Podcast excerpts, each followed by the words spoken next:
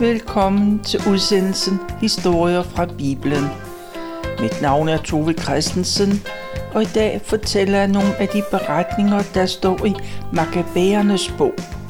Og den bog er ikke en del af den autoriserede udgave af Bibelen, men den står i de apokryfiske skrifter, og de er ikke taget med i den protestantiske Bibel. Til gengæld finder man dem i den katolske Bibel. Makkabæerbøgerne de foregår i tiden fra jødernes tilbagekomst fra Babylon og indtil ca. 130 år før Jesu fødsel. Det vil sige fra den sidste del af det gamle testamente og næsten indtil det nye testamente begynder.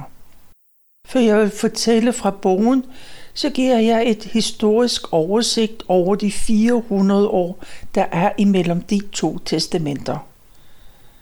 I det gamle testamente læser vi, at judæerne eller jøderne blev taget som krigsfanger og ført til Babylon. Senere så får de lov til at flytte tilbage, men mange valgte at blive i Babylon. Men der var en del, der tog tilbage for at genopbygge deres gamle land. Men Jerusalem og Judariget, de var ikke nogen selvstændig stat, for de hørte ind under Babylon og senere under perserne, og så kom grækerne, til sidst overtog romerne magten. Cirka 250 år efter jøderne var blevet bortført, så kom den unge græske herfører Alexander den Store med sin hær og vandt over Perseriet. Grækenland havde herredømmet i Israel i mange år, og skiftende konger forsøgte at indføre græsk kultur og græsk religion, men det ville jøderne ikke acceptere. En af kongerne strammede op på reglerne, og han lavede en lov om, at alle skulle følge de græske regler, uanset hvor man boede i hans store rige. Det betød, at jøderne de skulle afskaffe deres ritualer i templet, og de måtte ikke længere holde sabbat om lørdagen, som man plejede, og så måtte de hverken fejre påske eller pinse. Grækerne brugte hårdhændede metoder for at opnå resultater, og det indebar tortur, dødsdomme og mange lidelser – Derudover måtte jøderne se på, at de hedenske skikke og symboler de kom ind i selve templet. Den jødiske religion og kultur den var ved at forsvinde. Men nogle jøder ønsker at følge Moseloven, og de gjorde oprør. De begyndte en slags borgerkrig eller guerillakrig. De dannede en hær, som kaldte sig for Makkabæerne – Præsten Judas, han stod i spidsen for oprørshæren. Han var en markant leder, og med tiden var han ikke bare herfører, men han blev også jødernes talsmand. Makkabæerne de kæmpede mod den græske overmagt, og efter tre år så lykkedes det at erobre Jerusalem og Judæa. De fik herredømmet over deres eget land. Jøderne fik et solidt greb i hele Judæa, men makkabæerne de havde større ambitioner. Få år senere så blev byen Gaza befriet, og mange jøder flyttede til Gaza og oplandet, og det blev en blomstrende samfund. Grækerne blev ikke ved med at være stor magt, for romerne fik større og større magt. De erobrede store dele af Middelhavsområdet og det indtog også Judæa. Og det førte til nye kampe. Men jøderne formåede ikke at smide romerne ud. De måtte erkende, at deres land var besat, og at de igen levede under fremmed herredømme. Og det var romerne, der havde magten, da Jesus levede. Og det her, det var et kort ris over den historiske magtfordeling i Israel igennem næsten 400 år.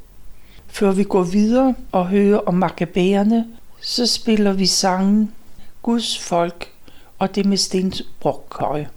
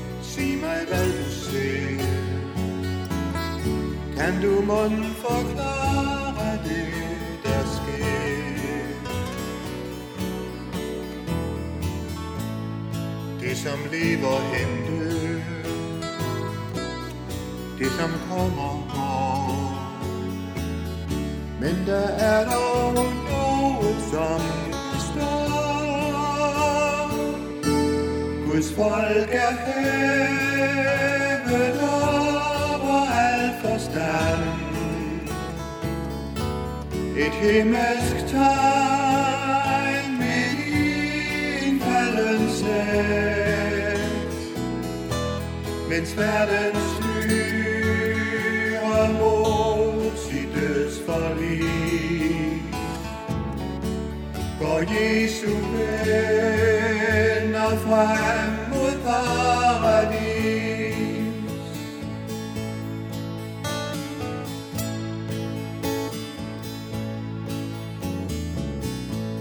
Salomo beskrev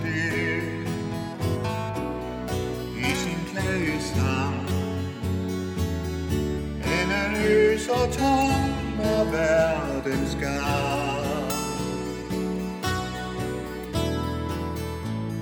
Men skønt det kan siges, siden verdens start, gælder dog, at Kristus kommer snart. Guds folk er her,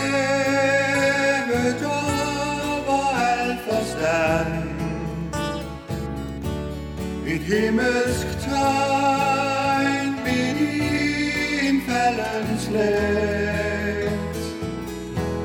Mens verden styrer mod sit dødsforlis.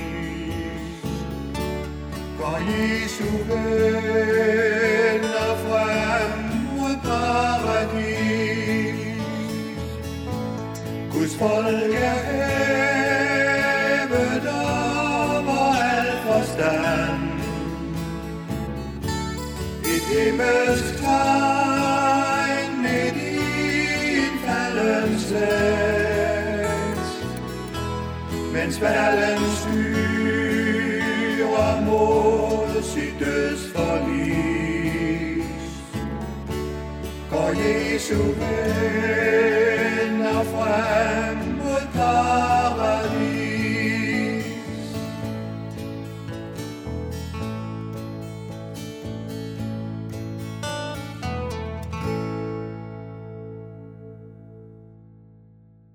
Grækerne har herredømmet over Jerusalem og Judæa-området, og deres tro og kultur, det er ved at bukke under.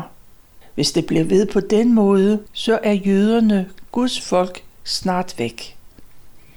Men der er nogle ret troende jøder, der samler sig et oprør, for de vil ikke stiltigende se på, at deres folk og deres land går helt i opløsning. Oprørshæren bliver ført an af præsten Judas. Han bliver kaldt for Judas Maccabæer, og derfor kalder man oprørerne for Maccabæerne. Judas og hans folk får med Guds hjælp kontrol over Judæa-området, og jøderne glæder sig over, at Guds tempel og Jerusalem igen er på jødiske hænder. Og man begynder at rense templet for de afgudssymboler, der har været, og man bygger et helt nyt alter. Man fjerner også de afgudsaltre, der står rundt omkring i Jerusalem. Og da det er gjort klar, så holder man en takkefest. Jøder fra fjern og nær møder op, og alle er glade. Glæden over at mødes i tempel, den er dobbelt stor, når de tænker på, at det kun er et par måneder siden, at de holdt løvhyttefest. Det måtte de gøre oppe i bjergene, og de gemte sig i huler, som om de var vilde dyr. Men nu skærer man friske grene af træerne, og man samler palmegrenene. Man går til templet og lovsynger Gud, for det er Gud, der har gjort dette muligt. Og det er en fest, der varer i otte dage. Man kalder det for Hanukkah for det betyder indvielse eller helligelse. Glæden er stor, og man er så begejstret, og man tager den fælles beslutning om, at det her, det skal fejres hvert år. Og lige siden dengang har jøderne holdt Chanukka. Det gør man den dag i dag, og fasten den falder som regel lige før vores jul. Jøderne er frie, men de oplever, at der kommer fjendtlige hære både nordfra og sydfra. Og det giver Judas Maccabæer problemer. Flere nabolande mod nord er gået sammen om at være lejesoldater, og der er en kæmpe stor hær, der nærmer sig Judariget.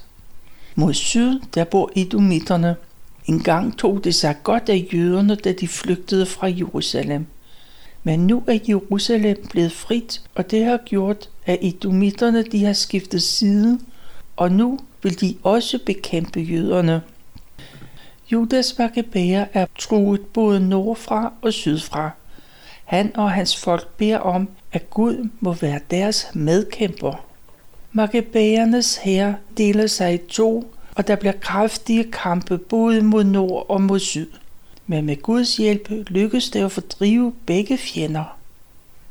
Men så går der ikke lang tid, før der igen kommer en fjendtlig hær, og igen vender makkebæerne sig til Gud. Efter bønnen skriber de deres våben, og de går et stykke uden for Jerusalem. Og ved en solnedgang, så støder de to hære sammen. Netop som kampen den er hårdest, så ser fjendens soldater et syn på himlen. Der er fem prægtige rytter på heste med gylden seletøj. De står foran jøderne. To af rytterne tager Judas Maccabæer imellem sig. De beskytter ham med deres våben, samtidig med at de sender pile og lyn ud over fjenden. Fjendens soldater bliver blændet, og de bliver forvirret og går i panik og farer rundt imellem hinanden. Makkabæerne, de slipper uskat. Men i Grækenland kommer der en ny konge til, og han har en slægtning, som han sætter stor pris på. Hans navn er Lysias, og han bliver indsat som kansler. Men han blev provokeret af jødernes store sejre. Hurtigt får han samlet 80.000 soldater, og han indkalder hele landets rytteri og så besætter han en af de større jødiske byer. Hans plan er at indtage Jerusalem og fordrive jøderne, så grækerne de kan bosætte sig i byen. Og templet i Jerusalem, det skal være en indtægtskilde, ligesom de græske templer er. For han vil sælge ypperste præstens embede til den, der vil byde højst, og det skal ske det ene år efter det andet. Kansler Lucias, han går i selv i spidsen for hæren, der er på vej mod Judæa. Makkabæer-hæren ser dem komme, og jøderne samles for at bede. De beder Gud om at sende en engel, der kan redde dem. Og Judas, han tager sit våben op, og han opfordrer sine mænd til at gøre det samme. Og så er de klar til kamp, og så stormer de velvilligt afsted. Der går ikke lang tid, før der viser sig en rytter i hvid klædning. Rytterne går foran makabæerne, som om han er deres anfører, og han svinger med sin gyldne våben. Makabæerne går, og de lovpriser Gud, og det giver dem styrke og mod, så de er klar til kamp. Makabæerne har Gud som medkæmper, og de er som løver. De styrter ind mod fjenden, og de dræber tusindvis, men de fleste de overlever, selvom de er sårede og uden våben. Og en uværdig flugt, så redder Lucias livet. Ham, der var kongens slægtning og kansler. Lucius han erkender, at han ikke kan kæmpe imod den almægtige Gud, og derfor skriver han et brev til jøderne, og han vil indgå et forlig. Judas Maccabæer stoler på, at det er en alvorlig ment, og de laver en bindende aftale. Lucias tager tilbage til sit eget land, og de jødiske mænd, de kan igen passe deres marker. Den græske her er ikke længere i Judæa, men de er i Gaza-området. Og der ligger havnebyen Joppe, eller Jaffa, som byen hedder i dag. De græske officerer og byens ledere og andre indbyggere, de har fået en fælles fjende. For der bor en del jøder i Joppe, og de bliver chikaneret og været ude for flere ubehagelige oplevelser. En dag sender byrådet en invitation til de jøder, der bor i Joppe. De bliver indbudt til en sejltur. Jøderne ser det som en udstrakt hånd. De vil gerne holde fred, og de takker ja til den invitation.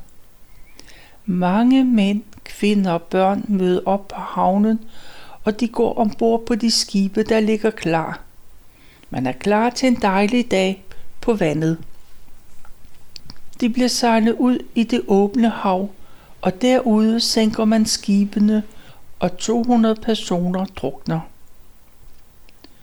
Judas Maccabæer hører om den grusomhed, og han kalder sine folk sammen.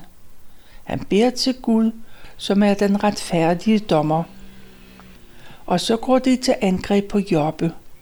I natten smulmer mørke sætter de ild i havnen. De brænder skibene af, og de dræber dem, der tilfældigvis er på havnen. Det samme sker med nabobyen. De får også brændt deres skibe af, og ilden er så kraftig, at man kan sy lysgæret helt til Jerusalem. Grækenlands konge, han har en brutal tankegang, og han er klar til at tage til Judæa for at udsætte jøderne for det aller værste. Og han vil gøre alt det, som hans far han udsatte jøderne for. Kongen og kansler Lucius, de samler Grækenlands hær. De står hver især i spidsen for 100.000 fodfolk, flere tusind ryttere og 22 elefanter og en masse stridsvogne. Judas Maccabæer hører, at kongen han vil udsætte jøderne for det samme, som hans far udsatte dem for. De er bange for, at de igen skal miste retten til at følge Moseloven og miste deres fædreland og ikke mindst templet i Jerusalem. De kan se frem til, at landet igen falder i hænderne på hedninger. I den periode, hvor Judas Maccabæer har kæmpet deres sag, så har de haft det meget bedre end i lang tid. Alle jøder går sammen, og i tre dage beder de og faster de hele tiden. De bønfalder den barmhjertige Gud. Efter tre dages bøn, så holder Judas møde med lederne i Jerusalem. De blev enige om, at de skal møde den græske her, for de begynder at komme ind i Judæa. Endnu en gang skal makkabæerne i krig mod en stor overmagt. Og Judas han holder en tale for sine soldater, før de tager sted. Han siger, at udfaldet kommer an på Gud, men de skal kæmpe tappert helt ind til døden. De skal kæmpe for retten til at følge Moseloven, og de skal kæmpe for templet og for fædrelandet og for deres forfatning. Så går makabæerne ud af Jerusalem, og de slår lejre ikke langt fra det sted, hvor den græske her er. Der giver Judas Maccabæer sit folk et feltråb. De skal råbe, Guds er sejren, Guds er sejren.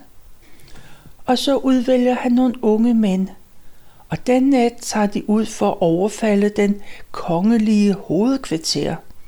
De dræber næsten 2.000 mænd, og deres fornemmeste elefant og elefantføreren. De græske soldater de hører og ser slagsmål, men i mørket bliver der forvirring, og redslen breder sig hurtigt, og grækerne de må se sig slået af makabæerne. Da det begynder at blive lyst, så er det hele overstået. Gud har endnu en gang beskyttet og hjulpet jøderne. Grækenlands konge har fået et forsmag på jødernes dristighed, men han giver ikke op på forhånd. Han forsøger igen at komme imod jøderne. Men også denne gang blev han slået.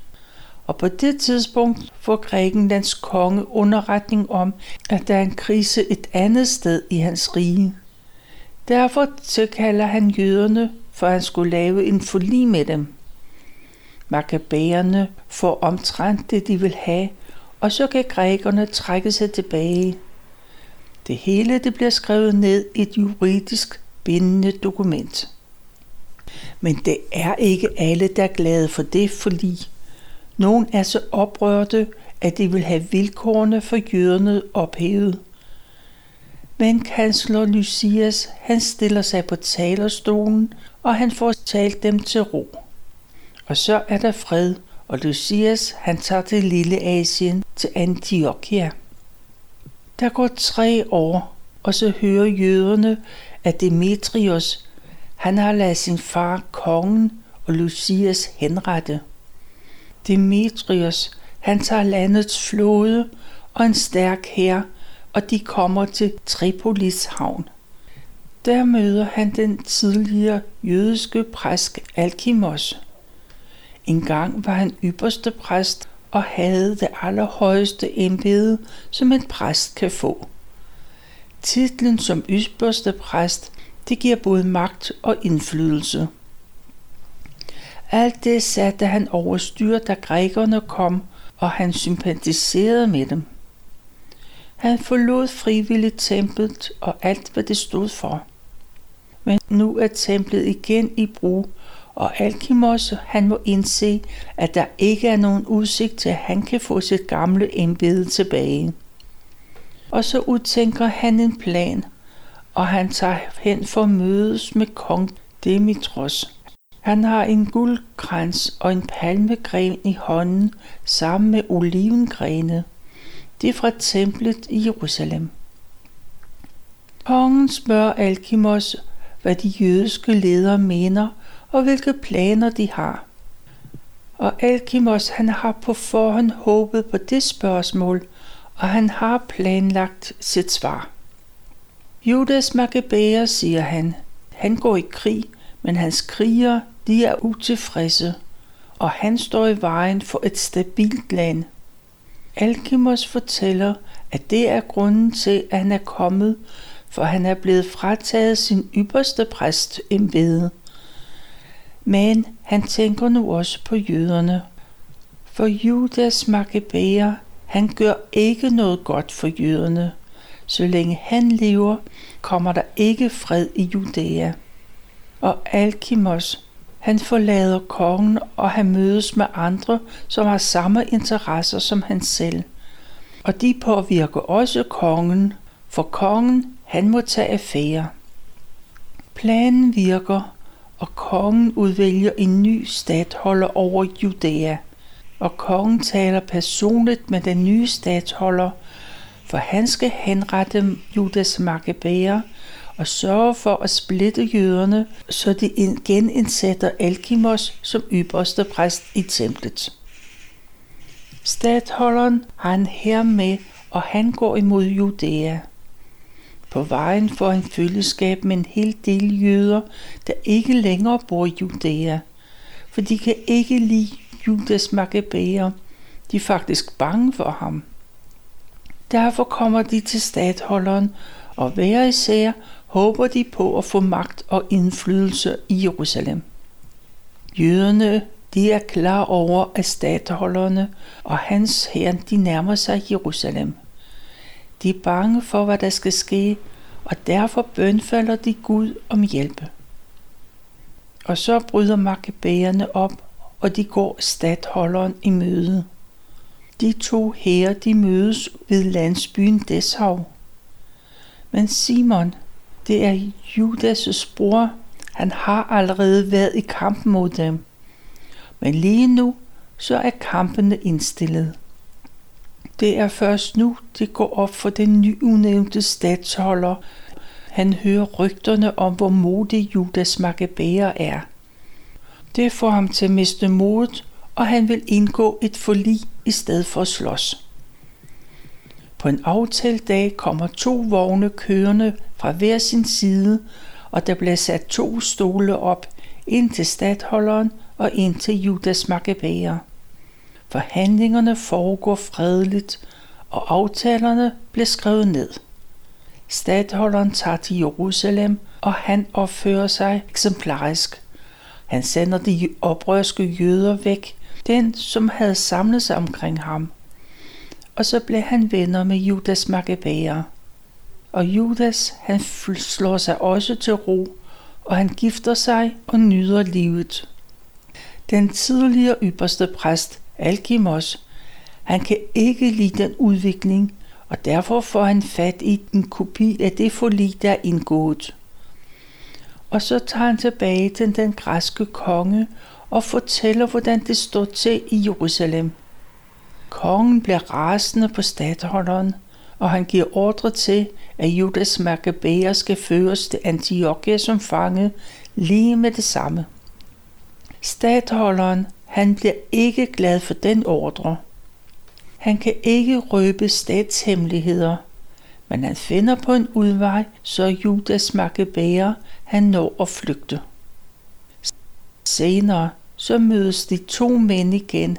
Deres soldater skal i kamp mod hinanden, og før kampen så går statholderen frem til lyden af trompeter og krigssange. Makkabæerne går i kamp med lovsang og bøn til Gud. Og det er makkabæerne, der vinder, og statholderen ligger død på jorden. Det er nogen af Juda Makkebæers bedrifter. Det er, hvad jeg har valgt at fortælle fra 2. Makkabæerbogen, kapitel 10-15, og de står i de apokryfiske skrifter. Vi slutter udsendelsen med at spille Den hellige stad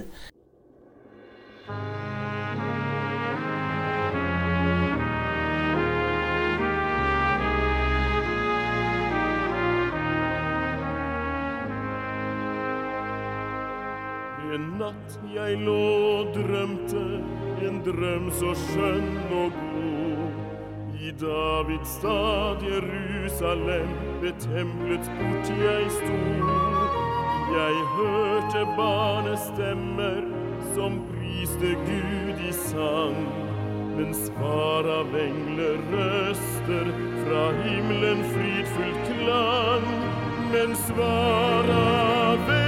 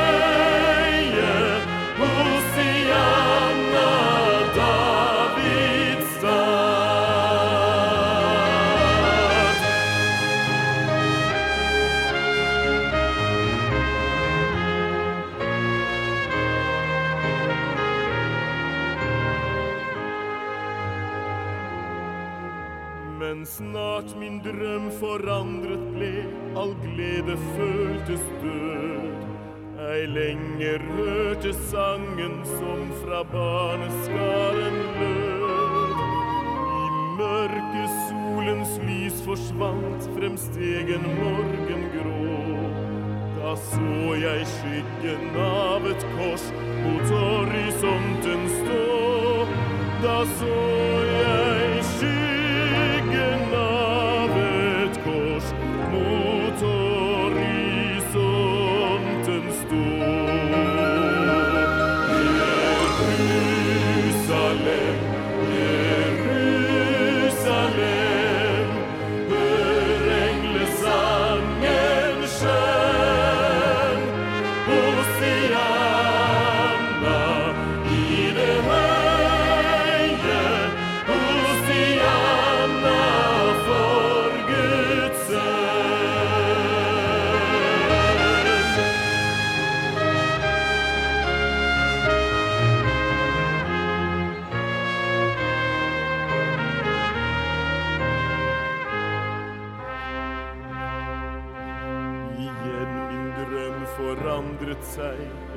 Verden ny steg frem.